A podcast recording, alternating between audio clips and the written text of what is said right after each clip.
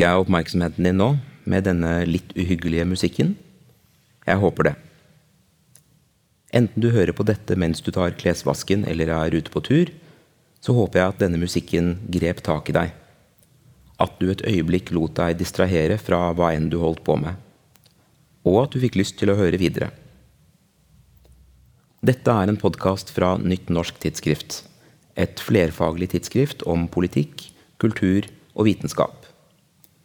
Jeg heter Jan Grue og er redaktør for dette tidsskriftet, som du kan lese på www.idun med to n-er.no nnt. Der kan du også skrive deg på e-postlisten vår og få en gratis smakebit på neste nummer. En samtale med stordataforskeren Marei Kaufmann om hva vi snakker om når vi snakker om digitaliseringens politikk. Og nettopp dette er et hovedtema for oss i dette nummeret. Ser vi i det norske samfunnet på digitalisering som en politisk prosess? Eller som en slags naturkraft? Dette og mer skal vi ta opp i denne podkasten, som bl.a. handler om digitale distraksjoner. Jeg vet at det er mange ting som distraherer deg i hverdagen. Om du sitter foran en skjerm mens du hører på dette, om du får stadige varsler om e-poster, meldinger, oppdateringer og spesialtilbud, så skal det mye til å stenge distraksjonene ute. Det kan føles håpløst, som å kjempe mot nettopp naturkreftene, eller mot ens egne verste sider.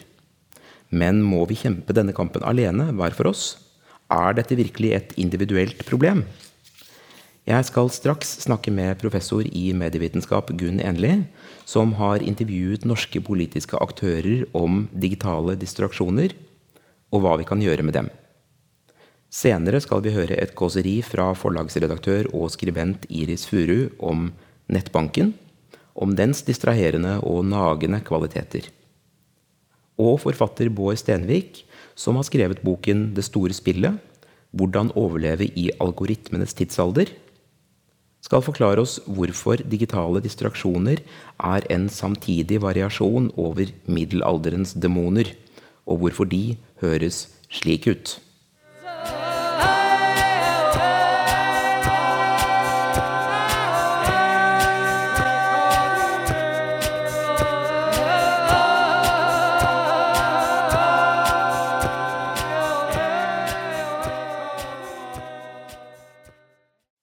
Digitaliseringen av det norske samfunnet er en langvarig, omfattende og kompleks prosess. Mange aspekter ved denne prosessen har gått under offentlighetens radar, eller er plassert hinsides politisk debatt. I det ferske nummeret av Nytt norsk tidsskrift kan du lese kritiske studier av påstander som at bioøkonomien er den nye oljen, eller at helsedata er en gullgruve. For hva betyr egentlig dette utover at vi, og hvem er vi, skal tjene penger på lakseoppdrett eller på personopplysninger? Hva er det politiske handlingsrommet, og hva slags politikk for en digitalisert verden er det vi er i ferd med å skape? Svarene er ofte ganske nedslående. Mye av norsk digitaliseringspolitikk er styrt utenfra, av internasjonale selskaper eller av ikke-politiske prosesser. Hva tenker da norske politiske aktører om hva som kan eller ikke kan gjøres? For å snakke mer om dette har jeg invitert Gunn Enli, som er professor ved Institutt for medier og kommunikasjon ved Universitetet i Oslo. Velkommen. Takk. Du har skrevet en artikkel for Nyttårstidsskrift med tittelen 'Digitale forstyrrelser'. Så hva er digitale forstyrrelser? Hva er digitale forstyrrelser? Jo, det er uh, alt som uh, tar vår oppmerksomhet mens vi gjør andre ting. Uh, F.eks. jobber eller snakke med venner, eh, eller er i våre egne tanker. Altså det å bli avbrutt eh, i eh, en slags fokusert tilstand, det, det, gjør noe med oss. Altså det å bli forstyrret kan jo også være noe vi ønsker selv. altså At vi ønsker distraksjoner, at vi kjeder oss, at vi oppsøker det. Så i dette begrepet digitale uh, forstyrrelser så ligger det jo både avbrytelser som kommer utenfra, men også selvavbrytelser. Altså at vi avbryter oss selv under arbeidet for å se om det har kommet noe på mobilen f.eks. Dette har du forsket på. Dette er eh, del av et større prosjekt. Ja. Jeg er eh, med på et tverrfaglig stort NFR-prosjekt som ledes fra Norge og har noen internasjonale deltakere.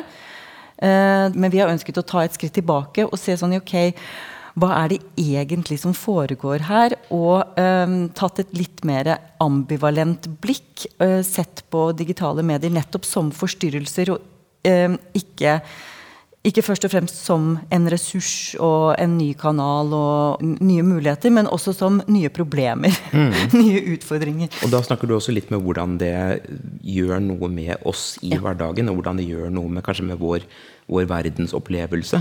Mm. Eh, så hva er funnene der så langt? Hvordan, hvordan oppleves dette? Det oppleves eh, av mediebrukerne så oppleves det veldig forstyrrende. Og veldig mange har store problemer med dette. At de eh, syns det blir vanskelig å håndtere det. Det er vanskelig å kontrollere seg selv. Man blir nesten litt sånn eh, selvhatersk. Eller man får en sånn forhold til seg selv som man har når man er avhengig av røyk eller eh, tobakk. At man vet at man ikke burde gjøre det. Og, og blir liksom irritert på seg selv for at man ikke klarer å la være. sånn at det har det har den effekten, da, at, eh, at man blir sånn selvbebreidende. Men man har også også det at folk merker at de ikke har så lang konsentrasjonslengde. lengde. At, at, konsentrasjonen blir svekket. Det bekymrer jo folk. Og de bekymrer, bekymres også av det sosiale. At både de selv og andre sitter og ser på mobilen mens de egentlig skulle se hverandre i øynene og snakke sammen. Og så blir man liksom kanskje gående og beskylde hverandre. 'Nei, det er du som bruker mobilen mest.' 'Nei, det er du som bruker mest.' Og så blir man uvenner, og så, og så er, har alle litt sånn dårlig samvittighet. Og, men så bringer det også med seg så mange positive ting, så ingen klarer helt å si nei takk, dette vil vi ikke ha. For da får du et veldig vanskelig liv. Mm. Eh, og derfor så vil man leve med denne ambivalensen. Og mm. man vil leve med at man har et hat-elsk-forhold til det. Og det er det som kanskje preger mediebruken i stor grad. Det er ambivalens. Og at endringene har skjedd veldig, veldig fort. Mm. Det, det må vi ikke glemme. Mm. Men for å gripe tak i noe av det du akkurat sa, at er, man går rundt med en følelse av kronisk dårlig samvittighet, og man i hermetegn lar seg distrahere. Så det du peker mot der, er jo internalisering. Uh, at dette blir noe som blir et moralsk spørsmål, og noe som blir opp til, til enkeltindividet. At det handler nærmest om, om karakterstyrke, hvis jeg hører deg riktig? Ja, det handler om karakterstyrke og det å være Eh, et menneske som klarer å regulere seg selv. altså Selvregulering er et ideal eh, for så vidt i vår tid og vår samfunn eh, for øvrig. At vi skal klare å trene, vi skal klare å leve et sunt liv. Og vi har mye, fått mye ansvar for å få et lykkelig liv. Og det høres jo veldig enkelt ut. Men det at man setter så mye ansvar der i individets makt, og, og, at det ligger så sterke krefter på den andre siden, det er litt et urettferdig spill. Altså, Det er mm. noe med eh, Kravene til selvregulering er så store.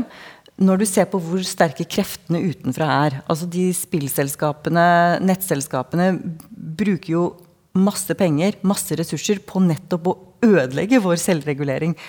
Så vi, vi, står overfor veldig store motstandere, og kanskje motstandere som er større enn vi er eh, klar over, og større enn vi klarer å håndtere hver og enkelt av oss som individer. Mm. Nei, fordi digitale forstyrrelser kommer jo ikke ut av, av ingenting. Um, det er aktører som ønsker å forstyrre oss fordi vår oppmerksomhet er, er verdifull. Men for å, å, nærme oss det som er eh, temaet i artikkelen din, så har du da snakket med en rekke sentrale politiske aktører i Norge, der, der mange har påvirkningskraft eller uh, til og med beslutningsmyndighet eh, når det gjelder disse rammene som vi alle lever innenfor. Så spørsmålet blir jo da hvordan de ser på digitaliseringen og på de digitale forstyrrelsene. Hvordan forstår de situasjonen? Mm. Ja, fordi dette fokuset på individet, det uh, kommer jo vi bare så langt med. Så da tenkte vi, uh, og jeg, at det var lurt å snakke med politiske aktører for å finne ut om dette er, eller bør være, eller kan bli et politisk spørsmål. Altså, Vi snakker jo ofte om at det private blir politisk, og at det, problemer som vi har i det private, og hvis mange nok har det, så er det ikke lenger et privat, individuelt eh, problem, det er et politisk problem. Så jeg eh, spurte norske politikere og tenketankeeksperter om eh, de selv hadde problemer med dette, om de syntes det var et problem. For jeg tenkte det var lurt å begynne der for å finne ut om vi var på samme planet. Eller om de ikke opplevde det som et problem. Og det gjorde de. Alle sammen hadde kjennskap til dilemma, utfordringen. Hele problemfeltet var kjent hos politikerne. Og så gikk jeg derifra og spurte jo, men hva skal vi gjøre med det? Er det noe politikere bør uh, befatte seg med? Altså, har det en politisk dimensjon? Og da var de veldig nølende. Og syns egentlig at det var lettere å plassere ansvaret hos individet enn i det politiske landskapet. Og det er fordi eh, med en gang du begynner å tenke på det som politisk, og regulering kommer jo straks eh, opp. ikke sant? Skal vi regulere dette? Nei, det går jo ikke. fordi det er jo veldig et individuelt valg.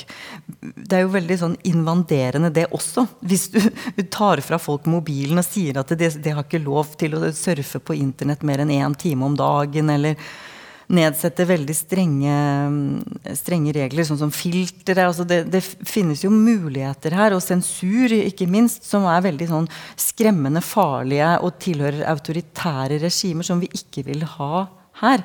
Så norske politikere tar veldig stor avstand fra det, faktisk. Mm. Og der, Samtidig så er jo uh, de, store aktørene som Facebook har jo allerede implementert uh, noe som i praksis er sensur, og opererer med allerede eksisterende filtre. Det er bare at det er styrt på privat hold, og at makten ligger i private hender. Um, det som også som slo meg i din artikkel, er at du, du har snakket med aktører med mange ulike ideologiske ståsteder. Og da vil man jo egentlig forvente ganske stor variasjon i hvordan synet på regulering var her. Men kan du ikke si litt om hva du har funnet? Jo, for jeg valgte jo ut informanter fra hele det politiske spekteret i norsk politikk. og prøvde da å se på om det er eh, politiske forskjeller mellom f.eks. For høyresiden, venstresiden, altså sentrumspartiene. Hva er de politiske skillelinjene akkurat i dette spørsmålet? Og der var det nok påfallende at uh, både høyresiden og venstresiden og for så vidt sentrum var enig i at uh, det skal ikke reguleres. Uh, dette skal, i, den grad politikere skal ha noe med dette å gjøre, så er det for å hjelpe folk å selvregulere. Altså Vi skal informere, opplyse, veilede. gi på en måte informasjon, hjelp, opplæring. Opplæring i skolen, sånne ting. Men ikke ikke gå inn og regulere eller, eller, gjøre dette. Og det som slo meg da, var at uh, ok, det er en tverrpolitisk enighet om at uh, man skal ha uh, være veldig forsiktig med å regulere det. Og det er jeg for så vidt ikke så overrasket over, for dette har jo, har jo et veldig sånn individualistisk um, preg, hele den mediebruken i det digitale. Eh, den har jo ikke så mange fellestrekk ved kanskje det som vi er vant til med avisbransjen, eh, kino og TV, som er veldig regulert som offentlige medier. Men samtidig så er jo dette offentligheten vår nå. Det er jo på digitale medier offentlig foregår. Eh, så ja, vi, vi, fant ut da at det er tverrpolitisk enighet om å ikke regulere, og at det er sånt, ikke noen særlig ønske på venstresiden heller om å gå inn i dette. Uh, ja, nei, og Det, det syns jeg er slående. Uh, det er jo sånn, altså, det nærmer seg jo nesten en sånn form for politisk fatalisme her. Uh, og ikke engang antyde muligheten for at dette er noe, noe vi kan gjøre noe med. så hva, hva, hva, kommer det av? hva er dette fraværet av vilje til, til politisk handling? Ja, det, er i hvert fall, det er i hvert fall et sterkt ønske i, i det norske politiske feltet om å utnytte de positive sidene av digitalisering til å fremme velferdsstaten, til å liksom, få samfunnet videre. Da. Og det, det, har så mange positive sider ved seg. Så jeg skjønner det, og jeg ser politikernes ønske om å gjøre Norge til et mer effektivt og, og velfungerende samfunn ved å bruke digitale medier. Um, så, så, det har, har man nok kanskje blitt veldig fascinert av. Og så ser man ikke så mye på de negative sidene, fordi man er først og fremst opptatt av at alle skal på det digitale. Vi må få med pensjonistene, vi må få med de som bor utenfor dekningsområder. Altså hele Norge skal med i dette. Og så spør jeg da i disse informantintervjuene ja, men uh, hva med disse distraksjonene, hva med klassedilemmaer? Hva med utfordringer eh, knytta til, eh, til, forskjellige brukergrupper? Og, og, da er det klart at de, de, ser at det er et problematisk felt, og at det er problematisk også. Uh, også de selv har jo den ambivalensen. Men når det gjelder å, å, gå inn og gjøre noe politisk, så blir man nok litt uh, sånn Eh, bekymret for det, den politiske rollen. Da. Er dette vår, vår, rolle eller ikke?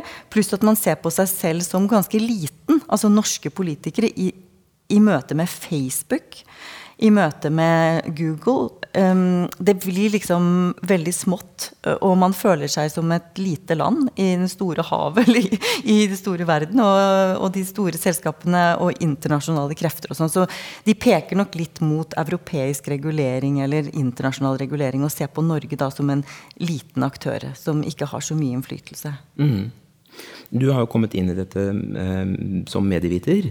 Uh, så jeg tenkte også på at dette er jo ikke første gang uh, man har hatt en store omveltninger i, i medieteknologier. Um, så det neste spørsmålet mitt blir jo da om det finnes historiske paralleller. Um, du har pekt litt i den retningen her. At er, vi har en, en, velferdsstat og et sosialdemokrati uh, som har vært igjennom noen endringsprosesser før. Så finnes det historiske paralleller som vi, vi kan vende oss mot for å, å, å lære noe her. Ja, det er uh, veldig interessant å se på det historiske skiftet som har skjedd nå, med den ø, digitaliseringsoptimismen som ligger i, i, norsk politikk og offentlighet, ø, kontra den skepsisen som lå i, i det samme eller, at, at, politikerne var veldig skeptiske til TV da det kom. Og det bekymringen gjorde, var at man brukte den sjansen man hadde når man brukte da faktisk ti år på å diskutere politisk om man skulle introdusere TV i Norge eller ikke de årene hadde man da tid og, og, mulighet til å reflektere over ja, kan vi kanskje bruke TV til noe positivt i Norge? Kan vi gjøre det til noe annet enn der i USA? Hvor det er mye sånn boksekamper og mye sånn gameshows med mye penger. Vi vil liksom gjøre det litt norskt. Og så ja, men hva med å gjøre det til et NRK-prosjekt? Vi plasserer TV innenfor NRK, så får vi det på vår måte. Allmennkringkasting, opplysning. ikke sant? Så da ble det på en måte en politisk regulering av en ny medieteknologi. Eh, så man satt ikke der og sa nei, men man sa vi gjør det på vår måte. Mm. Samtidig så er den situasjonen da på mange måter den stikk motsatt av den vi er i i dag. Da, da, da var det bekymring og så gradvis introduksjon. Uh, I dag så har det vært fullt frislipp, uh, og så er spørsmålet hva er det neste? Hva tror du om, uh, om mulighetene i, i tiden som kommer? Nei, jeg tror jo at dette er en uh, prosess nå framover som kommer til å prege norsk offentlighet, og at vi kommer til å snakke veldig mye om det. Vi snakker allerede mye om det. Det er en debatt i mange Eh, private sammenhenger, altså familier, venner, prater mye om dette. Og det er ofte begynnelsen på kanskje politisk endring og politisk aktivisme. Da. Hvis man finner ut at man er mer enn én person eller mer enn én eh, vennegjeng som har et problem, så begynner man kanskje å skrive om det i avisen, begynner å få oppmerksomhet i mediene, og det gjør det jo nå.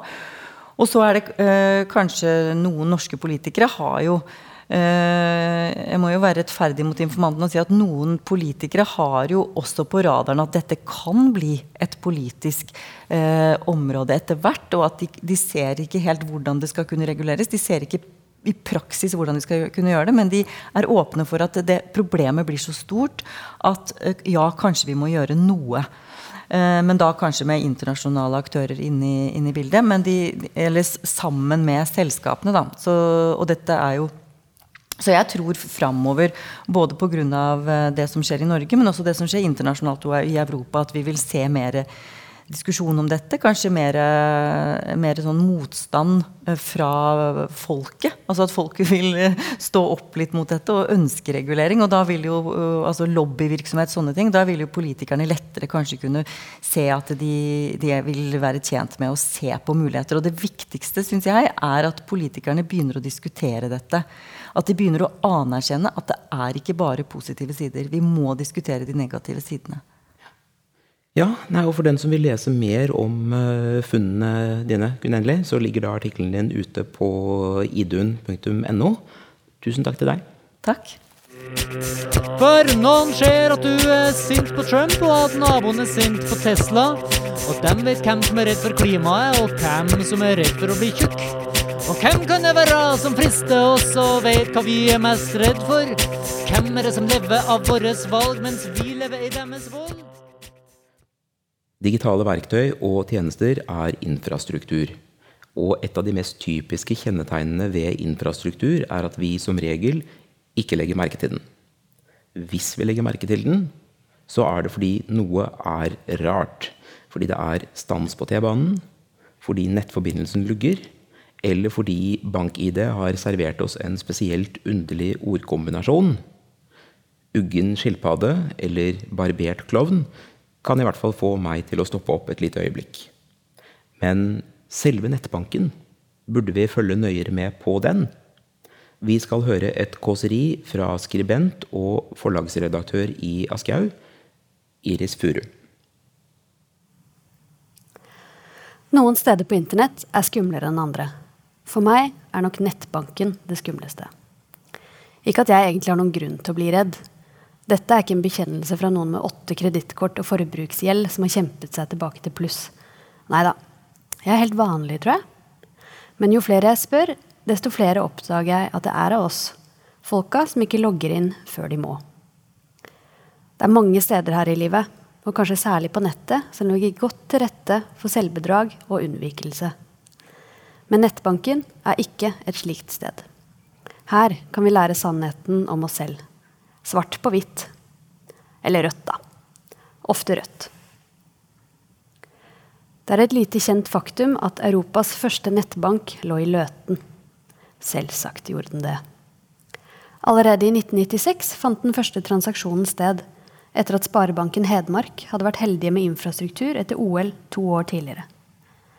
Dette plasserer Løten midt i verden, uttalte banksjefen den gangen. Det spørs.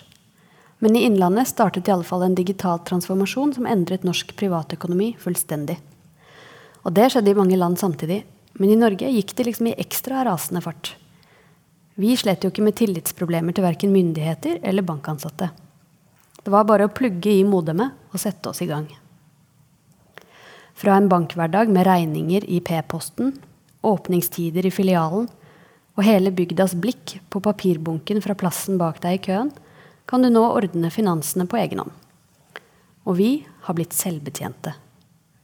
Teknologien lar oss operere selv, samtidig som vi står til rette for vår egen frihet hver eneste gang vi logger oss inn og ser resultatet. Det krever selvdisiplin og forutsetter fornuft, for å si det svært forsiktig. Selv kjenner jeg meg selv godt nok til å vite at jeg bare bør logge inn i nettbanken én gang i måneden. Oftere enn det gjør meg stresset uten at jeg helt vet hvorfor. Eller altså, jeg vet jo hvorfor. Det er fordi den indre bohemen og den indre borgeren i meg fører en amper samtale om fornuftens grenser når jeg må ordne med mine finanser. Og dette gjør hver eneste regning til en liten eksistensiell prøvelse. Løsningen min har blitt å gjøre så mye som overhodet mulig automatisk. For da slipper jeg å ta det aktive valget selv, måned etter måned. Se de svarte tallene bli røde. Det er jo så lett i teorien. Summen har enten gått opp eller ned. Men det er det minst nøytrale i verden. På lønningsdagen min overføres derfor skandaløse andeler av pengene direkte til lånekontoen. En god slump til settes automatisk over til den kontoen som jeg har døpt Fuck you-fondet. Som det har blitt meg fortalt at alle unge kvinner bør ha. Deretter går det slag i slag. Barnehage med her, Lånekasse med der, Salando. Og før jeg vet ordet av det, sitter jeg igjen med akkurat nok til å kunne ukehandle på Kolonial med stramme handlelister, vegetarisk basert. Det er frihet under ansvar, sies det. Men det føles mer som å binde seg til masta og gå glipp av alle sirenene. Så kom ikke her og kall millennials for hedonister. Vi har vokst opp, vi, og driver ikke med annet enn selvstyring. Hvis Foucault og jeg hadde logget inn i nettbanken sammen, ville den stakkars mannen druknet i materialet til selvovervåkning i den økonomiske frihetens tid. Men jeg har lært å aldri dele min bank-ID med noen. Det er ikke det at jeg egentlig er så redd for teknologi heller. Jeg er jo en kvinne av min tid. Tvert imot, pandemien har gitt meg hard hud på scrolletommelen av for mange timers daglig telefonbruk. Jeg installerte en app jeg, som utelukkende skulle overvåke tidsbruken på de andre appene mine. Men jeg fikk så dårlig samvittighet av å se på resultatet. Så jeg slettet den igjen. Og nå har jeg fått liktorn på fingeren.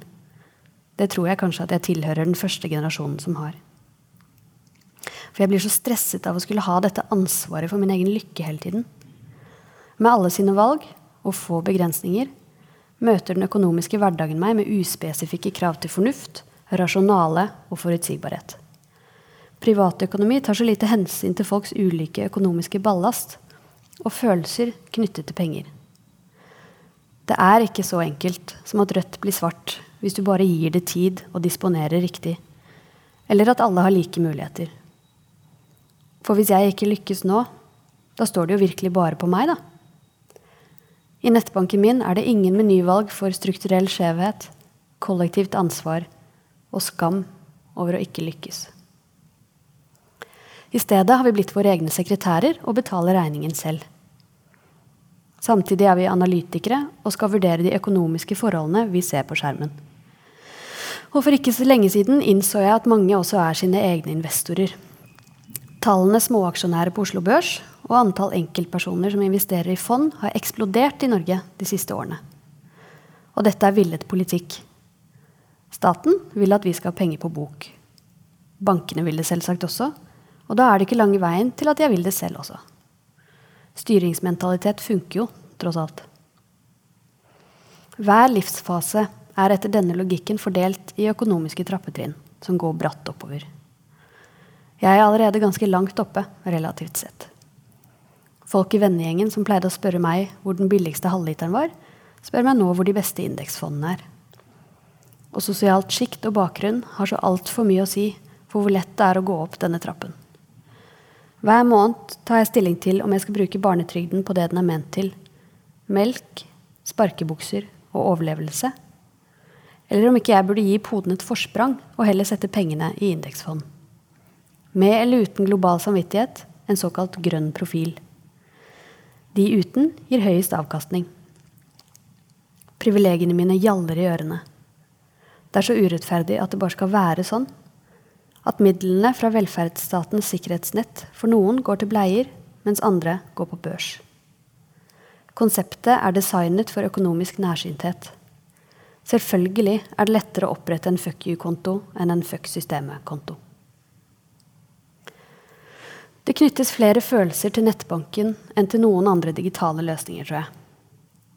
Og de fleste av oss har en fornemmelse av å hele tiden burde gjøre litt mer.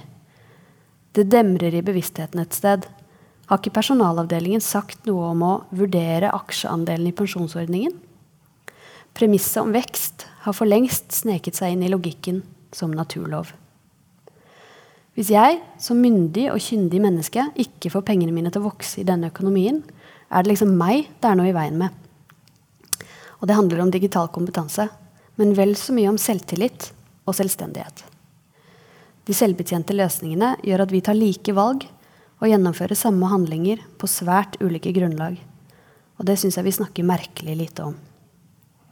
Hvis ikke hadde heller ikke TV-underholdning som Luksusfellen gått i sin 22. sesong denne våren. Før gikk vi i banken. Og hvis det ikke var flere penger igjen etter at bunken med regninger var stemplet og betalt, var det bare sånn det var. Hvis du ville låne penger, måtte du snakke med noen som kunne si nei. Men nå Nå kan jeg i venstremenyen overføre penger til meg selv på under tolv sekunder fra et kredittkort jeg ikke egentlig kan huske å ha bestilt. De sårt oppsparte tusenlappene på sparekontoen kan bare klikkes og dras over i bankkortet, og så er jeg klar igjen. Hjernen min er usedvanlig dårlig trent i gleden ved langsiktig investering. I stedet går jeg for kortsiktig belønning hver gang. Og det er nok noen som tjener på det, men det er ikke meg.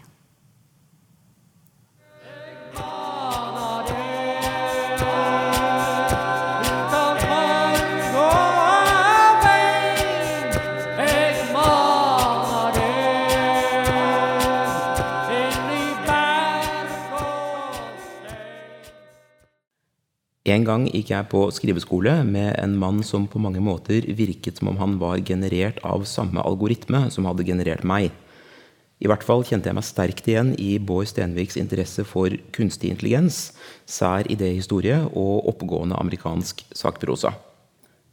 Dette var noen år siden, og i mellomtiden har Bård utgitt en rekke svært oppegående sakprosabøker, bl.a. om skitt, skuespillerkunst og bløffing i tillegg til en roman med den passende tittelen 'Informasjonen'. Det som binder Bårds bøker sammen, er for meg en vedvarende interesse for hvordan mennesker tenker. Og hvordan måten vi tenker på, blir formet av den verden vi lever i. Velkommen, Bård Stenvik. Takk. Det er hyggelig å være her. Så Bård, vi har, vi har hørt noen litt uh, uhyggelige musikalske innslag så langt i sendingen, og dem er det du som står bak. Kan du fortelle litt om hva vi har hørt? Jo, det er meg som prøver å gi en litt sånn kunstnerisk, eh, performativ, rytmisk framstilling av hvordan dagens algoritmer, som driver Facebook og Google og den digitale offentligheten, på mange måter minner om demonene fra middelalderen. Dette er rett og slett lyden av noen moderne demoner? det kan du si. Og det er jo da mitt forsøk på å være med i oppmerksomhetsøkonomien, siden jeg eh, laga disse videoene for å få litt oppmerksomhet om de ideene som jeg skrev om i boka mi, når jeg ikke kunne dra rundt fysisk lenger pga. korona og holde foredrag. Nemlig. Eh, vi har alle tilpasset oss på det digitale feltet. Eh, men der eh, brakte du opp boken din, altså 'Det store spillet'. Hvordan overleve i algoritmenes tidsalder. Så da kan du jo fortelle oss kort om den boken. Ja, det er jo en bok som kommer av at jeg som alle oss andre har vært kasta inn i den digitale tidsalderen. Og med små barn så har jeg jo lurt på hvordan er det å vokse opp for dem? Kommer maskinene til å komme og ta alle jobbene i framtida? Eh, hva slags råd bør jeg gi dem for utdanning og sånt? Og så tenkte jeg at eh, jeg følte meg rett og slett så forvirra eh, at jeg måtte skrive ei bok, og så at jeg fikk anledning til å dra rundt og spørre alle mulige forskere og folk fra databransjen og andre eksperter om hva det var man trengte å forstå da, for å kunne manøvrere i algoritmenes tidsalder. Og det jeg forsto underveis, da, var jo at eh, En ting var altså, å forstå akkurat hvordan kunstig intelligens fungerte. Det var én ting. Men det langt viktigere egentlig var det å forstå hvordan økonomien bak systemene fungerte. forstod jeg etter hvert. Og jeg forsto òg at den tidsalderen vi lever i, kanskje ikke er så unik som vi tror. Fordi at mange av de problemene som vi har nå, har rett og slett sammenheng med at vi har veldig store selskaper som har veldig stor makt. Og det har skjedd mange ganger før i verdenshistorien. Så jeg har begynt å se litt mer historisk på det for å sette vår tid i kontekst. Mm. Nei, det, det, er jo noe av det som uh, for meg utmerker uh, boken din, uh, og noe av det som gjør at den blir veldig lærerik lesning, er nettopp det at du kan trekke opp et, et større historisk uh, bakteppe. Og det ledende spørsmålet blir jo da, um, som du allerede for så vidt har svart på, er, er, er vi så moderne som vi, vi tror? Um, her er det en lengre historie hvor vi også uh, har forholdt oss til institusjoner og til aktører uh, som opptrer mer, mer, skjult enn de kanskje burde, burde gjøre. Mm. Ja, og det, I den boka så har jeg jo da tegna opp eh, åtte forskjellige allegorier. for å se, altså En ting er at jeg f.eks. går tilbake og ser på eh, den store mekanikkfeberen på 1700-tallet i Europa, hvor eh, du hadde en som het Georg von Merkelen, som var liksom den tidas Elon Musk, og laga en, en sjakkrobot som han kalte for den mekaniske tyrkeren. Og det, den mekaniske tyrkeren var jo en sånn skummel eh, robot som så ut som, eh, ja, som en litt sånn mannekengdokke med skjegg og turban, som eh, satt foran et sjakkbrett og, og da førte brikkene fram og tilbake og kunne spille mot en menneskelig motstander. Og den uh, reiste han, uh, han ingeniøren Menkelen han reiste rundt i Europa og, og, viste den fram. og Blant annet i Paris var det sånn at alle filosofer og intellektuelle og ingeniører og vitenskapsfolk kom for å se en av de beste sjakkmesterne i Paris spille mot denne roboten. Og de, de var i Vitenskapsakademiet, og det var røykfullt, og de kikka og prøvde å forstå hva det var, for det var noen sånne vinduer hvor du kunne se tannhjulene gikk rundt inni roboten. Men i virkeligheten men i virkeligheten så var det en liten mann inni boksen. mm. Og fra, som, som, noen som selv har forsket litt på uh, funksjonshemming og kroppsforståelse opp gjennom historien, uh, så er det også interessant for meg at det da bak dette uh, mekaniske vidunderet ligger en person. Mm sikkert i en ganske ubehagelig arbeidsstilling mm. uh, og arbeider for at det hele skal, skal finne sted. Mm. Så det er, det er, kanskje ikke en, en perfekt sammenligning med uh, dagens system, der uh, mange kropper i såkalte lavkostland må utføre ganske mye farlig og ubehagelig arbeid for at vi skal kunne nyte både Facebook-interaksjonen og iPhonene våre. Mm. Men noe er det jo der. Jeg syns det er en ganske slående metafor, i hvert fall. Hvis du tenker på alle dem som sitter i Thailand eller Paraguay, og som er dem som går gjennom Facebook-innleggene og fjerner alt som er av bestialske drap og porno og sånt som blir lagt ut. Så de er nødt til å sitte og se på alt det og vurdere det og fjerne det for at våre Facebook-feeder skal være fri for det.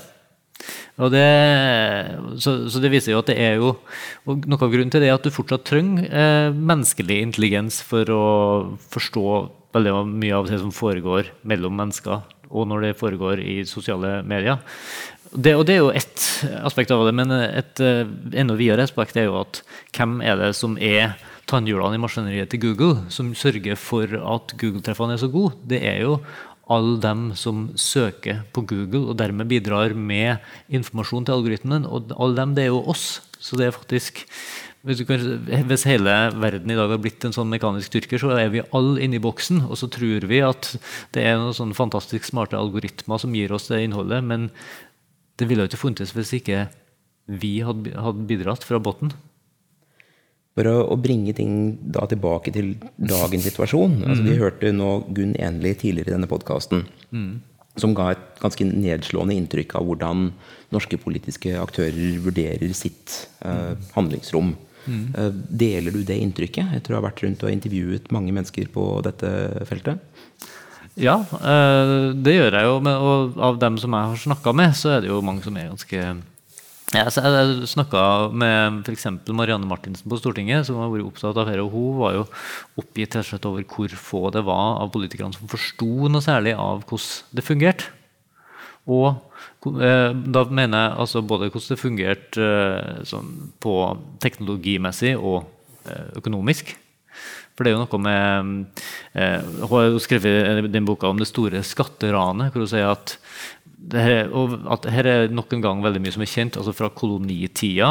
Eh, hvordan eh, kolonistene kom inn og monopoliserte eh, næringslivet i koloniene for å kunne trekke mest mulig verdi ut. ikke sant? Engelskmennene tok med seg enorme verdier fra India i løpet av 100 år.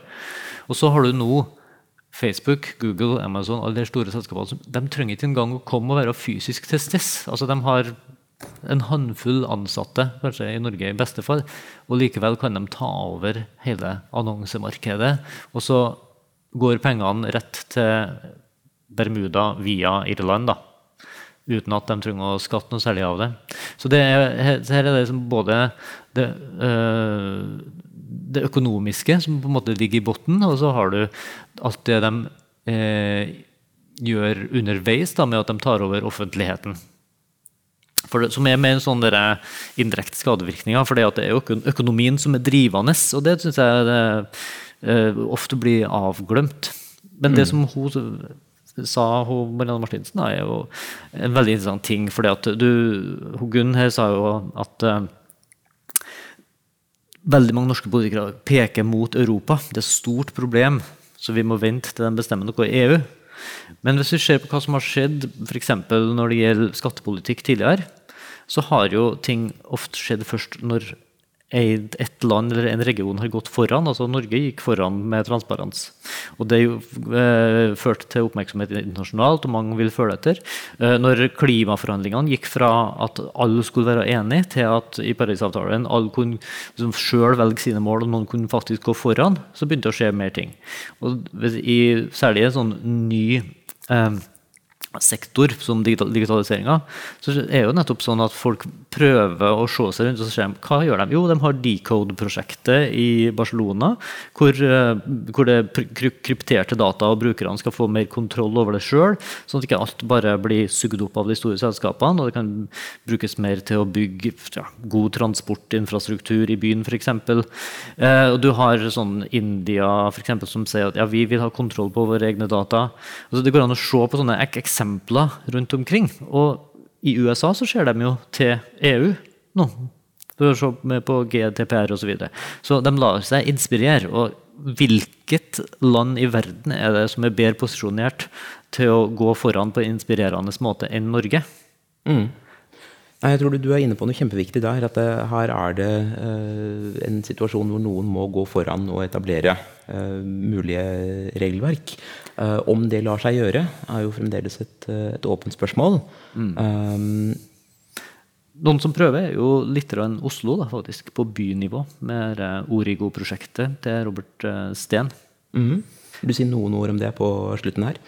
Ja, ja, det er rett og slett eh, en eh, tanke om at de prøver å lage et ganske ambisiøst uh, digitaliseringsbyrå på en måte da, med Origo, i stedet for at de bare gjennomfører det på, i de forskjellige etatene, så skal de ha en overordna visjon uh, for å koordinere det, fordi at det er så viktig. Og det de prøver å gjøre da, er jo å tenke litt som et sånn eh, digitalselskap, egentlig. Sånn at de innfører det At de ikke lager en sånn kjempestor eh, eh, prosjekt som skal innføres eh, om fem år, og da er utdatert, men at de gjør litt og litt. Sånn at de har for eksempel begynt med Oslo-nøkkelen, som gjør at brukerne kan komme seg inn på biblioteket og på avfallsstasjonene. Og så skal de begynne å samle opp litt mer og mer data og bruke det for å gjøre byen bedre. da.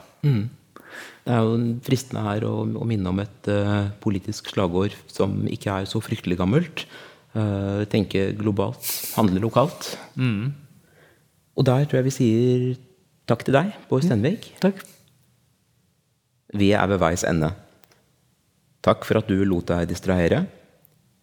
Men før du haster videre, vil jeg minne om at du kan lese det nye nummeret av Nytt norsk tidsskrift og tidligere digitaliserte numre på www.idun med to n-er.no skråstrek nnt.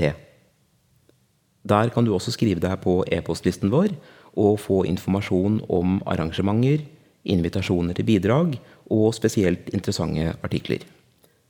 Jeg heter Jan Grue, og på vegne av redaksjonen ønsker jeg deg god lesning.